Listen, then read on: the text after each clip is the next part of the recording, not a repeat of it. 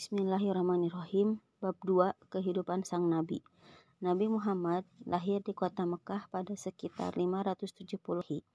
Ia berasal dari klan Bani Hashim, bagian suku Quraisy yang mengendalikan Mekah, pusat perdagangan dan agama di jantung semenanjung Arab. Terletak sekitar 80 km dari Laut Merah, kota Mekah mendapat keuntungan berkat rute perdagangan utara selatan yang menghubungkan Romawi di utara dan Yaman di selatan. Meski demikian, Mekah jauh terlepas dari kedua tempat tersebut. Ratusan kilometer padang pasir yang mengelilinginya memungkinkan kota Mekah berkembang bebas dari pengaruh atau kendali asing. Pada saat yang sama, Mekah terhubung dan terisolasi secara internasional. Ketika berurusan dengan agama, Mekah menjadi titik pusat semenanjung Arab. Mekah menjadi lokasi Ka'bah dan haji tahunan yang menarik bangsa Arab dari seluruh penjuru semenanjung Arab. Jadi, meskipun cukup jauh dari jangkauan kekaisaran Bizantium atau Persia, Mekah sudah cukup tepat sebagai pusat yang memberikan dampak besar bagi orang-orang Arab. Kedua karakter inilah yang memainkan peran utama saat Islam mulai menyebar.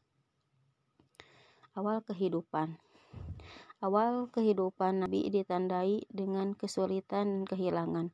Ayahnya, Abdullah, wafat sebelum ia lahir. Saat itu, Abdullah sedang melakukan perjalanan dagang ke kota Yasrib di sebelah utara Mekah. Ibunya Aminah wafat saat ia berusia enam tahun. Kakeknya yang dihormati, Abdullah Muthalib kemudian merawatnya. Dua tahun kemudian, kakeknya wafat dan Muhammad tinggal dengan paman dari pihak ayah Abu Talib.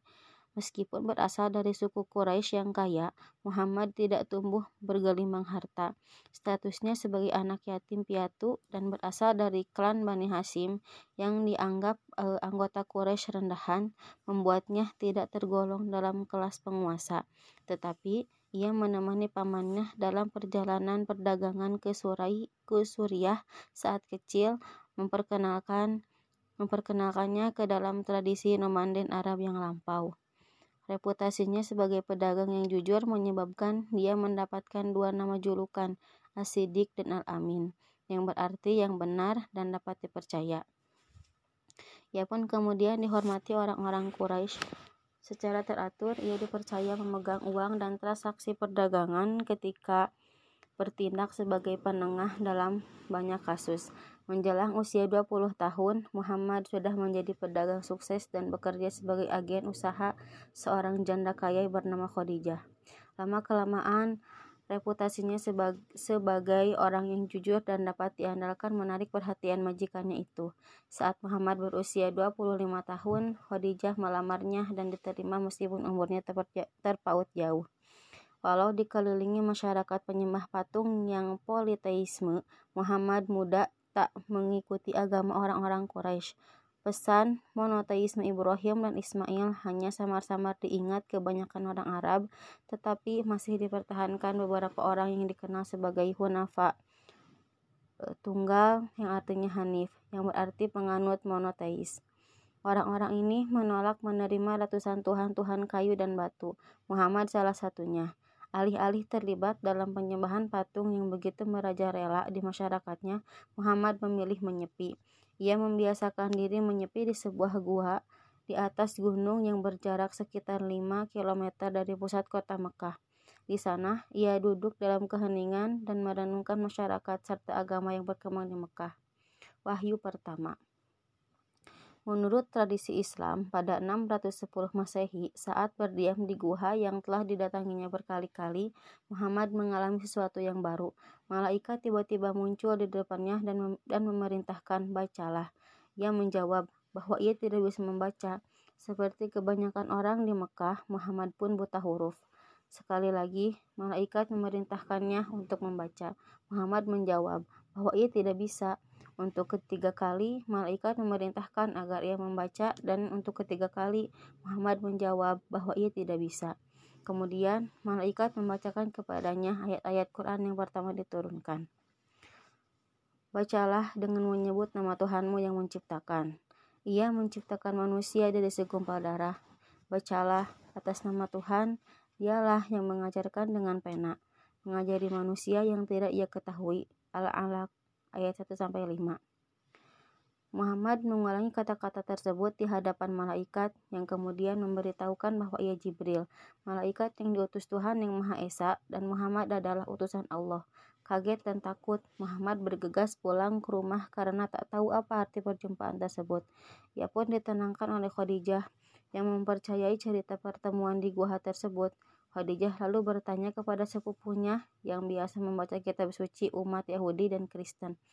Saat sepupunya mendengar apa yang terjadi, ia langsung menerima Muhammad sebagai rasul pembawa pesan pada masa ini. Seperti halnya Musa dan Isa sebelumnya.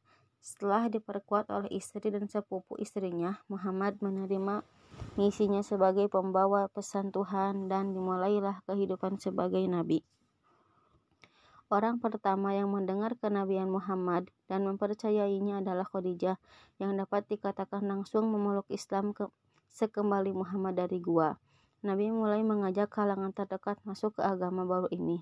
Teman terdekatnya, Abu Bakar, sepupunya, sepupu mudanya, Ali, dan pembantunya, Zaid, semuanya menghormati dan mempercayai Muhammad. Mereka segera memberitahukan kalangan terdekat mereka juga, dan perlahan jumlah pemeluk Islam bertambah. Dakwah pertama-tama dilakukan secara sembunyi-sembunyi. Mekah terdiri atas masyarakat politeis sehingga gagasan satu Tuhan yang menggantikan banyak sembahan pasti akan dianggap ancaman. Maka bulan dan tahun-tahun pertama Islam ditandai dengan berkembangnya kelompok rahasia. Karena takut menghadapi reaksi masyarakat, tetapi tunduk pada gagasan agama baru ini, para pengikutnya disebut Muslim, yang berarti orang yang tunduk. Kata Islam itu sendiri yang merupakan akar kata muslim berarti ketundukan kepada Tuhan dan kehendaknya. Celakalah bagi setiap pengumpat dan pencela yang mengumpulkan harta dan menghitung-hitungnya. Dia mengira bahwa hartanya itu dapat mengekalkannya. Sekali-kali tidak. Pasti dia akan dilemparkan ke dalam api neraka. Al-Humazah ayat 1-4 pada saat yang sama, gagasan, in, gagasan inti Islam mulai menemukan bentuk melalui turunnya ayat-ayat yang kemudian disebarkan kepada masyarakat. Monoteisme yang tegas jauh berbeda dari agama yang ada di Mekah. Menjadi tema inti, menurut Nabi Muhammad, hanya ada satu Tuhan. Berhala yang disembah oleh penduduk Mekah tak lebih dari sekedar patung dan kayu tak berguna, serta tak mampu memberikan manfaat kepada siapa pun. Ayat-ayat yang turun juga memperingatkan adanya hari pembalasan ketika setiap jiwa akan dihadapkan kepada Tuhan untuk dihitung amalannya. Orang-orang yang percaya kepada Tuhan dan melakukan amal baik akan masuk surga abadi sebagai pembalasannya. Dan orang-orang yang ingkar akan dimasukkan ke neraka dan disiksa selama-lamanya. Akan tetapi, Islam bukanlah agama yang hanya memikirkan teologi dan kehidupan setelah mati. Ayat-ayat yang turun awal juga mencela penyakit sosial yang merebak di Mekah. Dengan meningkatnya kemakmuran dari jalur perdagangan, terbentuklah perbedaan kelas sosial. Orang kaya akan mem akan memanfaatkan uangnya untuk menandai lebih banyak kafilah sehingga menghasilkan lebih banyak uang. Sementara itu, orang miskin akan terus terpinggirkan, terlebih lagi jika ia bukan anggota suatu klan yang kuat. Quran menyatakan ketidakpedulian kepada orang yang, mis yang miskin akan merusak kemantapan tatapan sosial yang adil dan akan mengakibatkan hukuman di akhirat nanti. Butuh waktu bertahun-tahun sampai aturan yang berhubungan dengan masyarakat dapat diterapkan. Tetapi sementara awal sudah jelas bahwa Muhammad datang tak hanya untuk mengubah kepercayaan religius, tetapi juga masyarakat itu sendiri. Ayat-ayat yang turun awal mengulang tema-tema ini berkali-kali. Ayat dan surat yang diturunkan di Mekah yang dapat ditemukan di akhir Quran cenderung pendek dan langsung. Cara ini bekerja dengan baik bagi komunitas muslim yang baru lahir yang belum dikenal oleh masyarakat kota Mekah.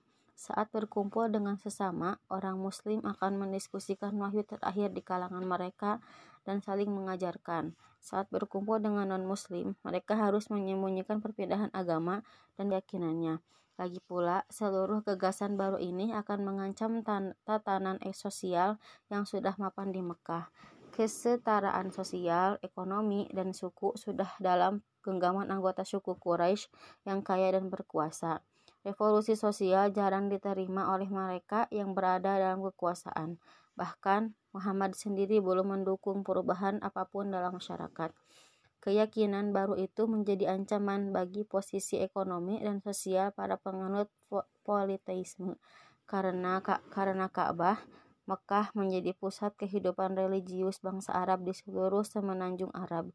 Sekali setahun, orang Arab akan orang Arab orang-orang Arab akan berpergian ke Mekah untuk melaksanakan ziarah dan menghormati ratusan berhala yang disimpan di sekitar Ka'bah. Bagi orang Quraisy, ini berarti bisnis yang sangat menguntungkan. Perdagangan adalah produk sampingan alami dari ritual ziarah ini karena ada begitu banyak orang dari segala penjuru di satu tempat pada saat bersamaan pasar alamiah berkembang sehingga Mekah menjadi pusat kehidupan religius, ekonomi, dan politik di Arab dan sebagai fasilitator perdagangan ini, Quraisy mendapatkan keuntungan besar. Akan tetapi, pesan yang dibawa Nabi Muhammad menolak pentingnya berhala dan menekankan keesaan Tuhan. Tanpa berhala tak akan ada ziarah. Tanpa ziarah, tak akan ada bisnis. Ini bukan skenario yang menyenangkan bagi Quraisy dan para pengikut awal Nabi Muhammad juga mengetahuinya. Karena alasan ini, tak mungkin mengungkapkan agama baru ini di kalangan para pemimpin suku. Komunitas muslim masih kecil dan lemah sehingga belum berani menghadapi konflik ideologi terbuka dengan para penguasa terutama mempertimbangkan kenyataan bahwa sebagian besar penganut awal adalah orang-orang yang dianggap berada di, di kelas sosial terbawah. Budak, pembantu, dan orang miskin menjadi bagian terbesar komunitas muslim awal. Tertarik pada ajaran kesamaan manusia di hadapan Tuhan dan sifat regaliter agama baru ini. Kekayaan dan status sosial tidak menentukan nilai seseorang. Penyiksaan Akhirnya, komunitas muslim menjadi terlalu besar untuk diabaikan oleh orang Quraisy. Awalnya, muslim bisa sholat di tempat tersembunyi di luar kota, tetapi saat sekelompok peribadatan semakin besar, peluang untuk ketahuan pun semakin tinggi. Inilah yang terjadi saat sekelompok penyembah berhala melihat sekelompok muslim yang sedang sholat. Mereka langsung bereaksi dengan mencemooh muslim dan cara beribadahnya. Awalnya, Quraisy tenang-tenang saja menganggap komunitas kecil itu sebagai kezaliman yang biasa yang bisa diejek sampai mereka menyadari daya tarik gagasan baru ini. Monoteisme, keadilan sosial, kesetaraan, dan ketundukan kepada perintah Tuhan semuanya adalah teori yang mengancam Quraisy. Di, di mata banyak pemimpin Quraisy, solusi untuk menyelamatkan diri dari gejala religi, religius dan sosial baru ini yaitu dengan menyingkirkan sumbernya Muhammad. Akan tetapi, masyarakat Arab masih memegang struktur dan aturan. Walaupun anak yatim, Muhammad masih berada di bawah perlindungan pamannya Abu Talib. Ia pemimpin Bani Hashim, salah satu klan Quraisy. Abu Talib sendiri menolak menerima Islam, tetapi harga diri dan rasa hormat pada aturan sosial Arab membuat ia melindungi keponakannya.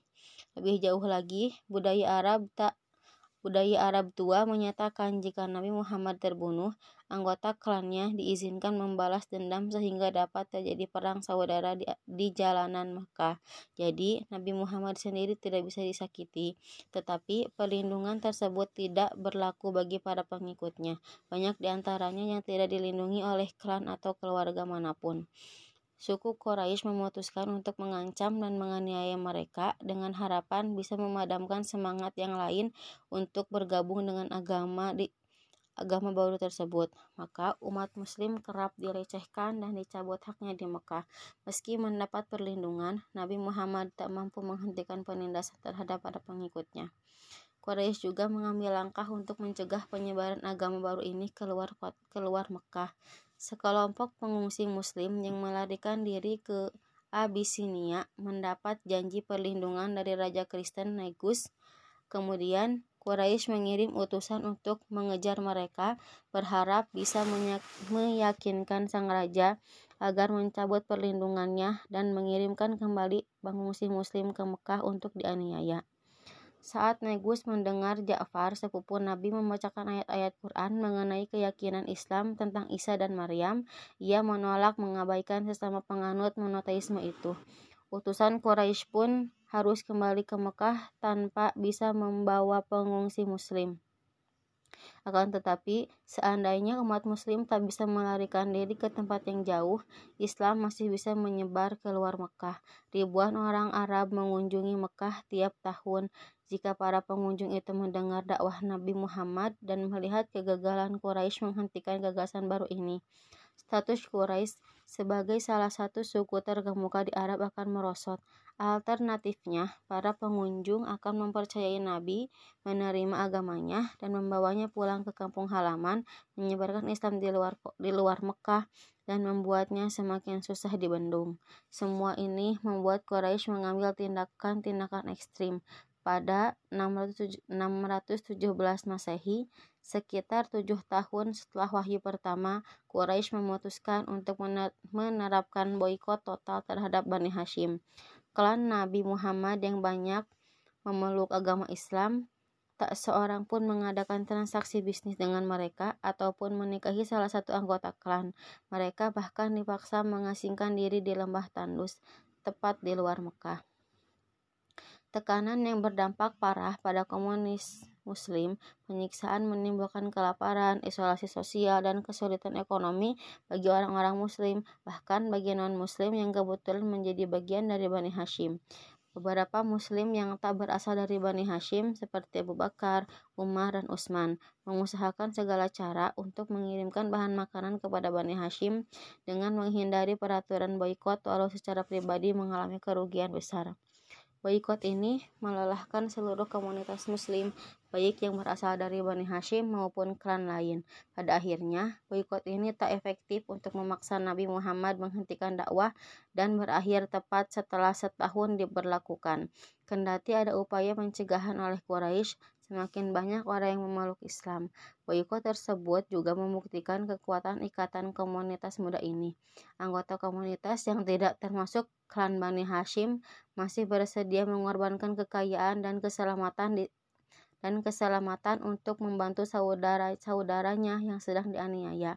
Di sini salah satu konsep inti Islam kesetiaan pada agama melebihi kesetiaan pada suku atau keluarga tampak dengan jelas.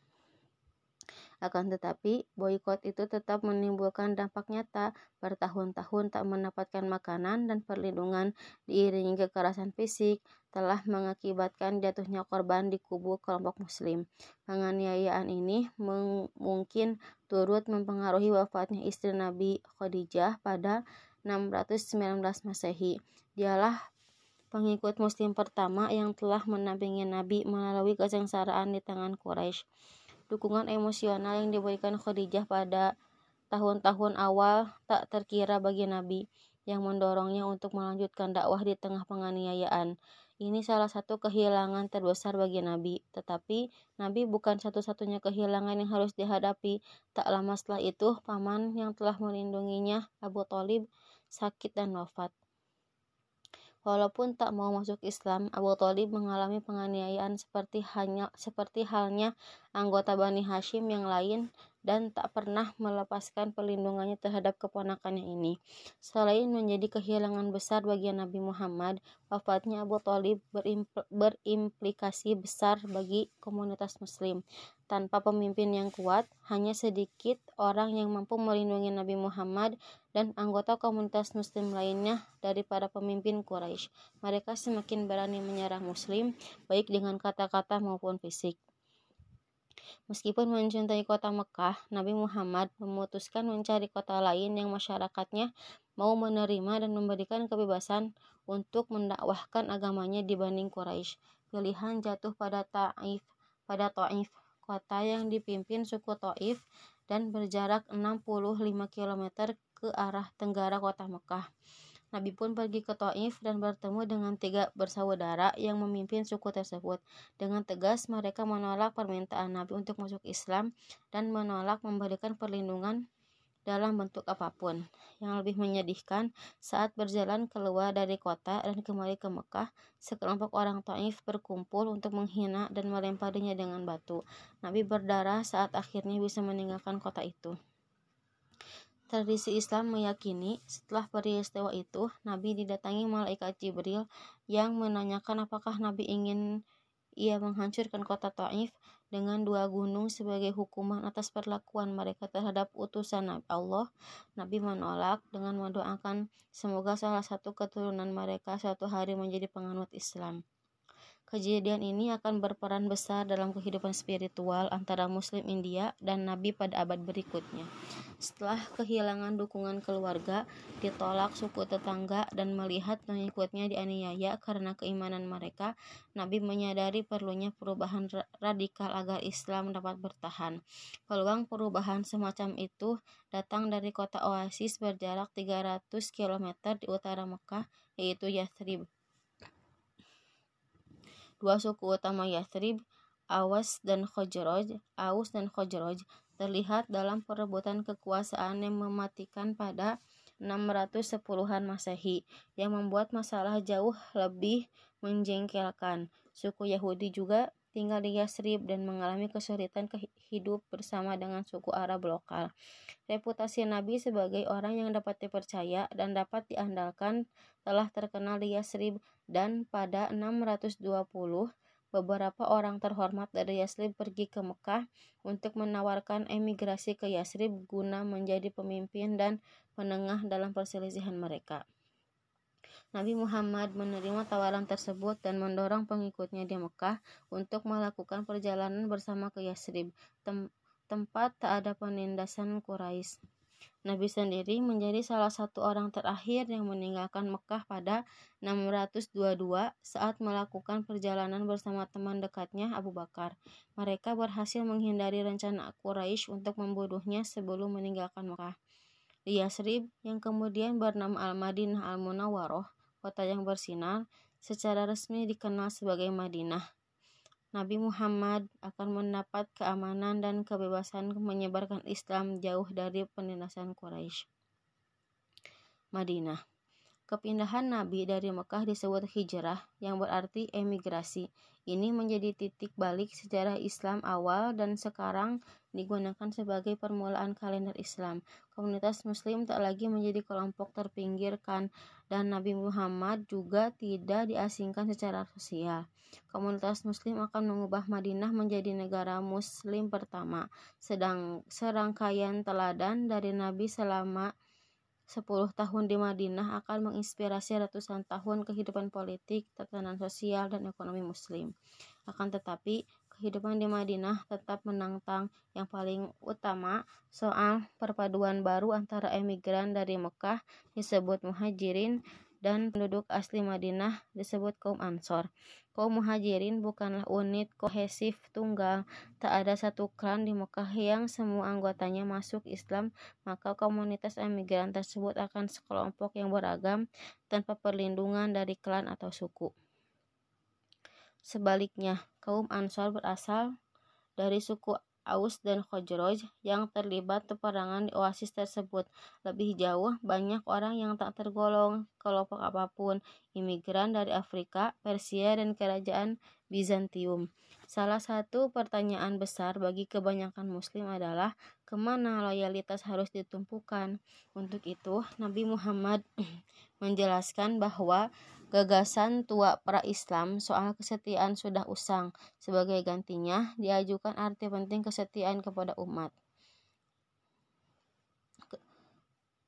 Dalam pandangan Nabi Muhammad, tidak peduli apakah seorang muslim berasal dari Quraisy, Aus, Khojroj, atau bahkan suku Yahudi.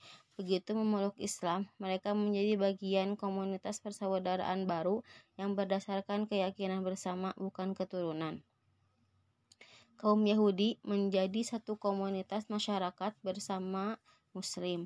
Bagi Yahudi, agamanya dan bagi Muslim agamanya. Ini berlaku bagi kerabat dan diri mereka sendiri dengan pengecualian bagi siapa pun yang bersalah atau berkhianat karena itu membahayakan dirinya dan keluarganya. Piagam Madinah. Tak politik dan sosial baru Nabi Muhammad di Madinah dikodifikasi dalam naskah yang disebut Piagam Madinah. Piagam ini merinci bahwa di bawah otoritas Nabi Muhammad, Madinah akan menjadi negara berdasar hukum Islam. umat akan menjadi satu unit politik. Lebih jauh, Nabi Muhammad berperan sebagai penengah utama. Hukum Arab kuno yang menghargai pembalasan atas ketidakadilan dihilangkan untuk mendukung sistem hukum terstruktur berdasar hukum Islam. Piagam ini memberikan kebebasan kepada kaum Yahudi untuk menjalankan agamanya, tetapi mereka harus mengakui otoritas politik Nabi Muhammad di kota ini dan bergabung dengan kelompok pertahanan bersama bila ada serangan dari Quraisy entitas politik baru Nabi di Madinah akan menjadi model negara Islam selama berabad-abad dalam pemerintahan Muslim, terutama yang berhubungan dengan perlakuan terhadap minoritas non-Muslim. Bentuk wahyu yang turun pun berubah menjadi menjadi menyesuaikan dengan keadaan komunitas muslim. Ayat-ayat dan surat yang diwahyukan kepada Nabi Muhammad di Madinah cenderung lebih panjang dibanding dengan yang di Mekah. Wahyu tersebut memerinci berbagai hal seperti bentuk peribadahan, perpajakan, warisan, serta hubungan antar muslim dan non-muslim. Quran memberikan panduan untuk tentang panduan umum tentang bagaimana umat muslim harus bersikap dan bila perlu Nabi Muhammad menjelaskan secara terperinci serta tepat. Kata-kata dan tindakan Nabi dikenal sebagai hadis menjadi sumber penting petunjuk hukum setelah wahyu Tuhan. Tetapi Quran tidak hanya menyoroti aspek hukum dan tatanan sosial, banyak ayat Madaniyah menerangkan kisah-kisah Nabi terdahulu. Cerita tentang Nuh, Ibrahim, Musa, Daud, dan Isa semuanya diterangkan secara detail kepada pengikut Nabi yang sungguh-sungguh menjelaskan bahwa Nabi Muhammad hanyalah Nabi terakhir dari serangkaian panjang Nabi sebelumnya dan pesan yang dibawanya tak berbeda dari yang lain. Banyak dari kisah tersebut yang ditunjukkan kepada kaum Yahudi di Madinah di permukaan mereka memiliki banyak kesamaan dengan kaum muslim. Kedua kaum ini sama-sama menganut monoteisme di daerah yang mengedepankan politeisme. Keduanya menghormati nabi keduanya menghormati nabi yang sama. Dan pada awal kenabian, keduanya beribadah menghadap Yerusalem. Akibatnya, beberapa orang Yahudi di Madinah menerima Muhammad sebagai nabinya dan masuk Islam. Kitab suci Yahudi berbicara tentang Mesias dan bagi mereka Nabi Muhammadlah manusia yang dijanjikan, tetapi lebih banyak yang menolaknya. Yudaisme itu unik dalam hal kepercayaan dan etnik dan etnisitasme dan etnisitasnya yang terikat pada konsep umat terpilih pesan tentang kesetaraan dan persatuan seluruh umat Islam tanpa memperhatikan etni, etni, etnisitas berbenturan dengan beberapa gagasan utama keyakinan Yahudi. Sebagian orang mungkin meyakini kenabian Muhammad, tetapi kenyataan bahwa ini bahwa ia bukan seorang Yahudi menjadi problematik bagi mereka yang menganut teologi Yahudi dengan tegas. Perpecahan antara kaum Yahudi yang meyakini dirinya bangsa terpilih oleh Tuhan, kaum Muslim yang mendukung persatuan umat manusia akan menimbulkan ketegangan serius di dua kelompok ini. Perangan Hijrahnya Nabi ke Madinah tak berarti selesainya konflik dengan Quraisy. Kaum Muhajirin masih merasakan kepedihan atas perlakuan saudara sesu sesukunya dan kaum Ansor berani menghukum siapa pun yang menindas saudara baru mereka dalam Islam. Tetapi kaum muslimin belum mendapat izin dari Nabi untuk memerangi Quraisy. Tentu saja, peperangan merupakan kegiatan yang serius, terutama di semenanjung Arab, tempat peraturan rumit mengenai kehormatan dan pembalasan telah berlaku selama berabad-abad. Lebih jauh, Quran sendiri meneguhkan tentang kesakralan hidup dan betapa mengerikannya mencabut kehidupan secara tak adil. Maka kaum muslimin ragu-ragu melakukan tindakan militer melawan Mekah meskipun bertahun-tahun mengalami penindasan di sana. Akan tetapi, keadaan itu segera berubah pada masa Nabi Muhammad di Madinah. Ia mengabarkan kepada para pengikutnya wahyu yang baru yang baru turun dari Tuhan yang menyatakan diizinkan berperang bagi orang-orang yang diperangi, karena sesungguhnya mereka dizolimi, dan sungguh Allah Maha Kuasa menolong mereka itu, yaitu orang-orang yang diusir dari kampung halamannya tanpa alasan yang benar, hanya karena mereka berkata, Tuhan kami adalah Allah. Al-Hajj ayat 39-40 Wahyu baru ini menegaskan kepada pengikut Nabi pada pengikut Nabi bahwa perang telah diizinkan, bahkan wajib saat muslim sedang ditindas. Ayat-ayat itu juga menandai aspek penting tentang peran Islam di dunia.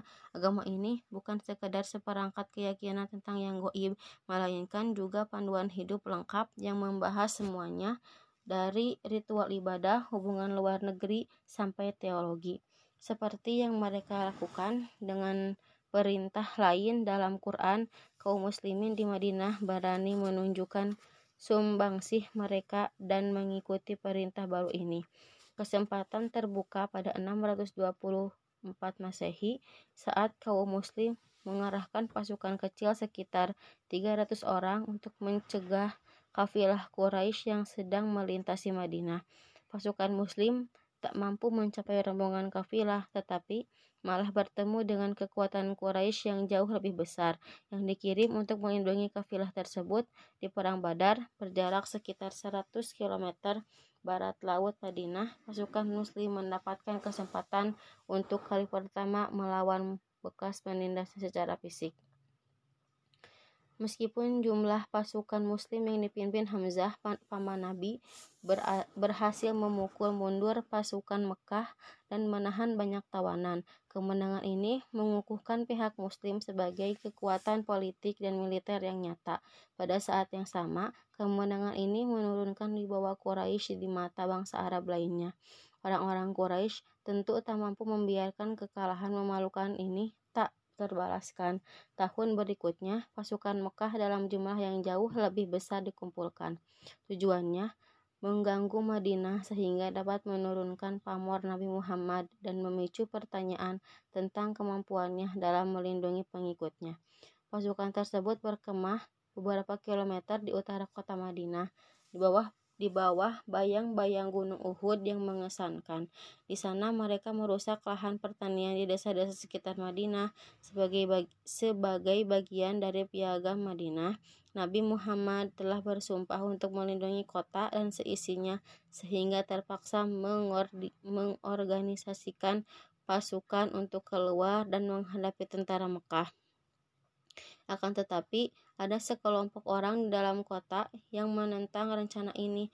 Mereka percaya bahwa cara terbaik adalah meninggalkan lahan pertanian untuk menjaga diri dan tetap mempertahankan pasukan di dalam kota.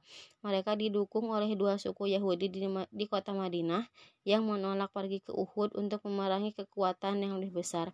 Akhirnya, Nabi Muhammad bergerak menuju Uhud dengan jumlah pasukan yang lebih kecil daripada perkiraannya. Hasil perang ini menjadi malapetaka bagi pasukan muslim. Pasukan Mekah yang dipimpin Khalid bin Walid yang cerdas yang nantinya masuk Islam dan memimpin pasukan Islam ke Suriah berhasil memukul mundur pasukan muslim dari medan pertempuran dan naik ke lereng Uhud. Hamzah pahlawan Badar gugur dalam pertempuran dan tubuhnya dimutasi oleh orang-orang Quraisy.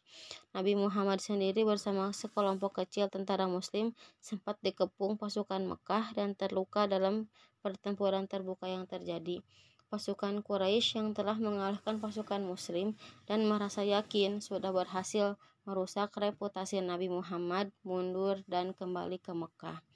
Perang Uhud tak berhasil meruntuhkan Islam atau otoritas Nabi di Madinah seperti yang diharapkan kelompok Quraisy, walaupun mampu menaburkan benih ketegangan antara pihak Muslim dan Yahudi di Madinah yang kebanyakan menolak mematuhi piagam Madinah dan tak mau ikut bercampur.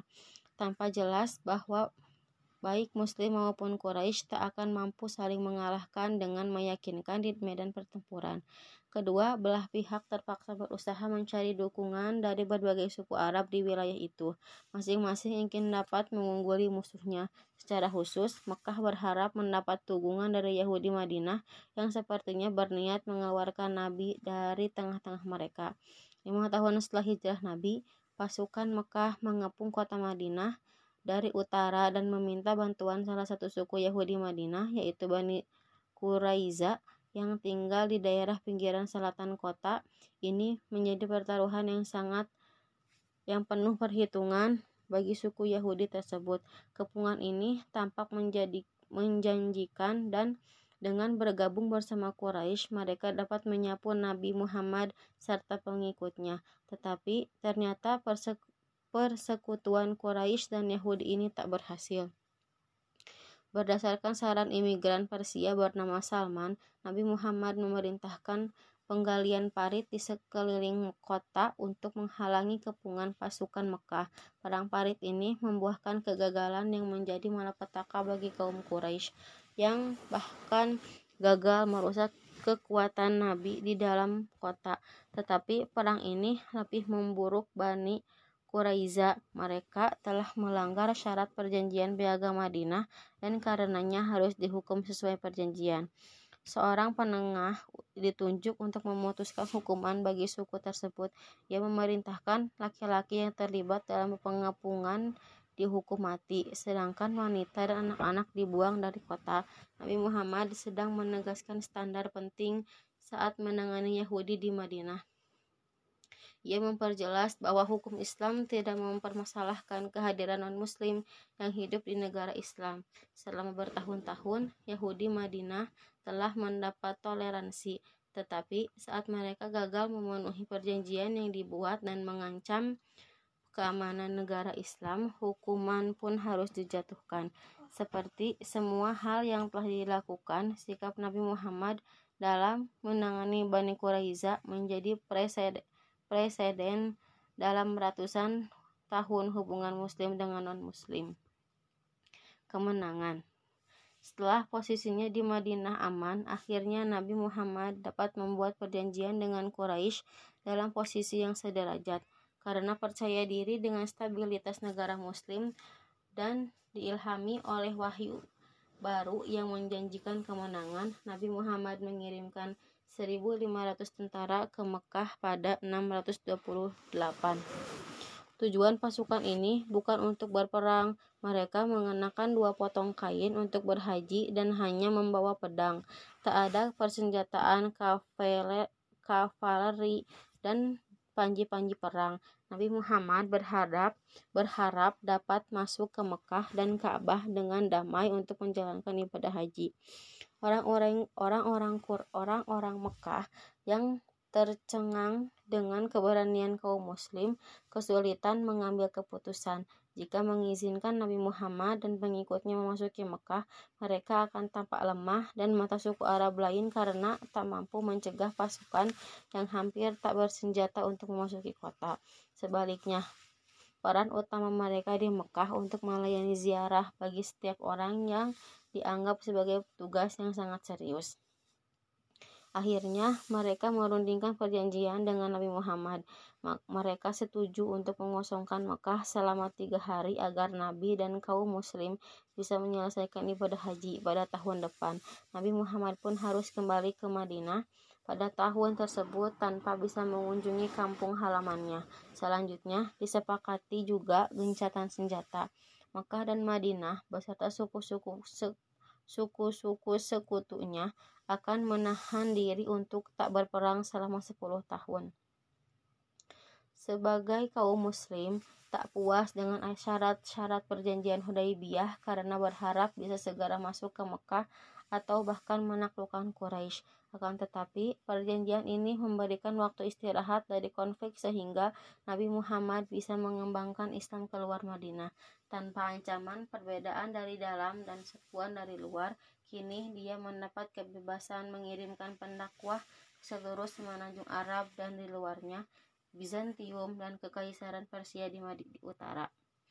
Suku-suku Badawi sendiri masuk Islam secara bersamaan dan menggabungkan diri dengan Nabi. Bahkan orang-orang Mekah pun mulai beralih. Khalid bin Walid dan Ammar bin As, dua pemimpin militer Quraisy terbesar, meninggalkan Mekah dan bergabung dengan Nabi Muhammad di Madinah beberapa tahun setelah perjanjian Hudaybiyah. Perjanjian tersebut tak mampu memberikan kendali langsung atas atas tempat paling suci ini. Tetapi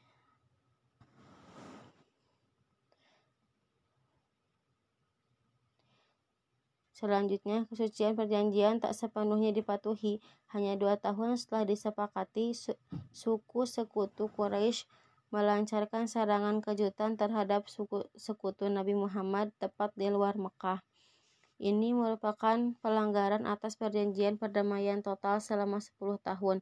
Karena perjanjian telah batal, Nabi Muhammad dapat menyeru kepada sekutu-sekutunya anyarnya di seluruh semenanjung untuk bergabung dalam ekspedisi baru ke Mekah. Akan tetapi, kali ini mereka tak akan berpergian sebagai peziarah damai. Nabi Muhammad akhirnya berada dalam posisi yang kuat. Ribuan muslim dari seluruh semenanjung sekarang berada di bawah perintahnya. Terik terikat oleh persekutuan dan kesatuan agama untuk bergabung dengan pasukan Nabi kapan pun diperlukan. Pada titik ini, orang-orang Mekah tahu bahwa tak mungkin mereka mengalahkan pasukan Nabi. Sekarang Mekah melawan puluhan, puluhan suku yang bersatu untuk kali pertama dalam sejarah Arab. Usaha negosiasi antara Muhammad dan Quraisy berakhir dengan kegagalan. Maka pada 630 Masehi, pasukan yang berjumlah lebih dari 10.000 umat muslim yang datang dari seluruh penjuru Arab berbaris menuju kota suci Mekah. Sebagian besar penduduk Mekah menyadari bahwa perlawanan akan sia-sia. Dengan pengecualian sejumlah pertempuran kecil-kecilan, Pasukan Nabi Muhammad memasuki Mekah tanpa pertumpahan darah. Kemenangan atas tempat kelahiran ini dipandang pengikutnya sebagai kemenangan akhir Islam atas politeisme, kebenaran di atas kesalahan. Ratusan berhala yang mengelilingi Ka'bah dihancurkan, menjadikan tempat suci ini sebagai tempat menyembah satu Tuhan. Bagi banyak orang Mekah, termasuk pemimpin Quraisy Abu Sufyan, menaklukkan yang sempurna ini tanpa bahwa berhala mereka tak lebih dari patung kayu dan batu kasar mereka menyerah kepada Nabi Muhammad. Orang yang telah mereka tindas dikejar-kejar di kota Mekah dan diperangi. Sebaliknya, Nabi Muhammad membuktikan diri sebagai penakluk yang lemah lembut. Hampir semua orang Mekah dibebaskan tanpa dilukai. Setiap luar biasa sikap luar biasa bagi orang yang akrab dengan perang suku brutal tiada ampun. Sekali lagi, Nabi Muhammad memberikan contoh bahwa kenabiannya ditandai dengan era baru seperti aturan dan kebiasaan baru. Periode pra-Islam atau jahiliyah berarti kebodohan harus ditinggalkan selama-lamanya. Kembalinya Nabi Muhammad ke Mekah sangatlah luar biasa. Mengingat keberadaan hidupnya pada tahun-tahun sebelumnya, hanya delapan tahun setelah membebaskan diri dari penindasannya pada tengah malam, Nabi Muhammad kembali ke kampung halaman sebagai pemimpin pemenang bersa bersama ribuan pasukan.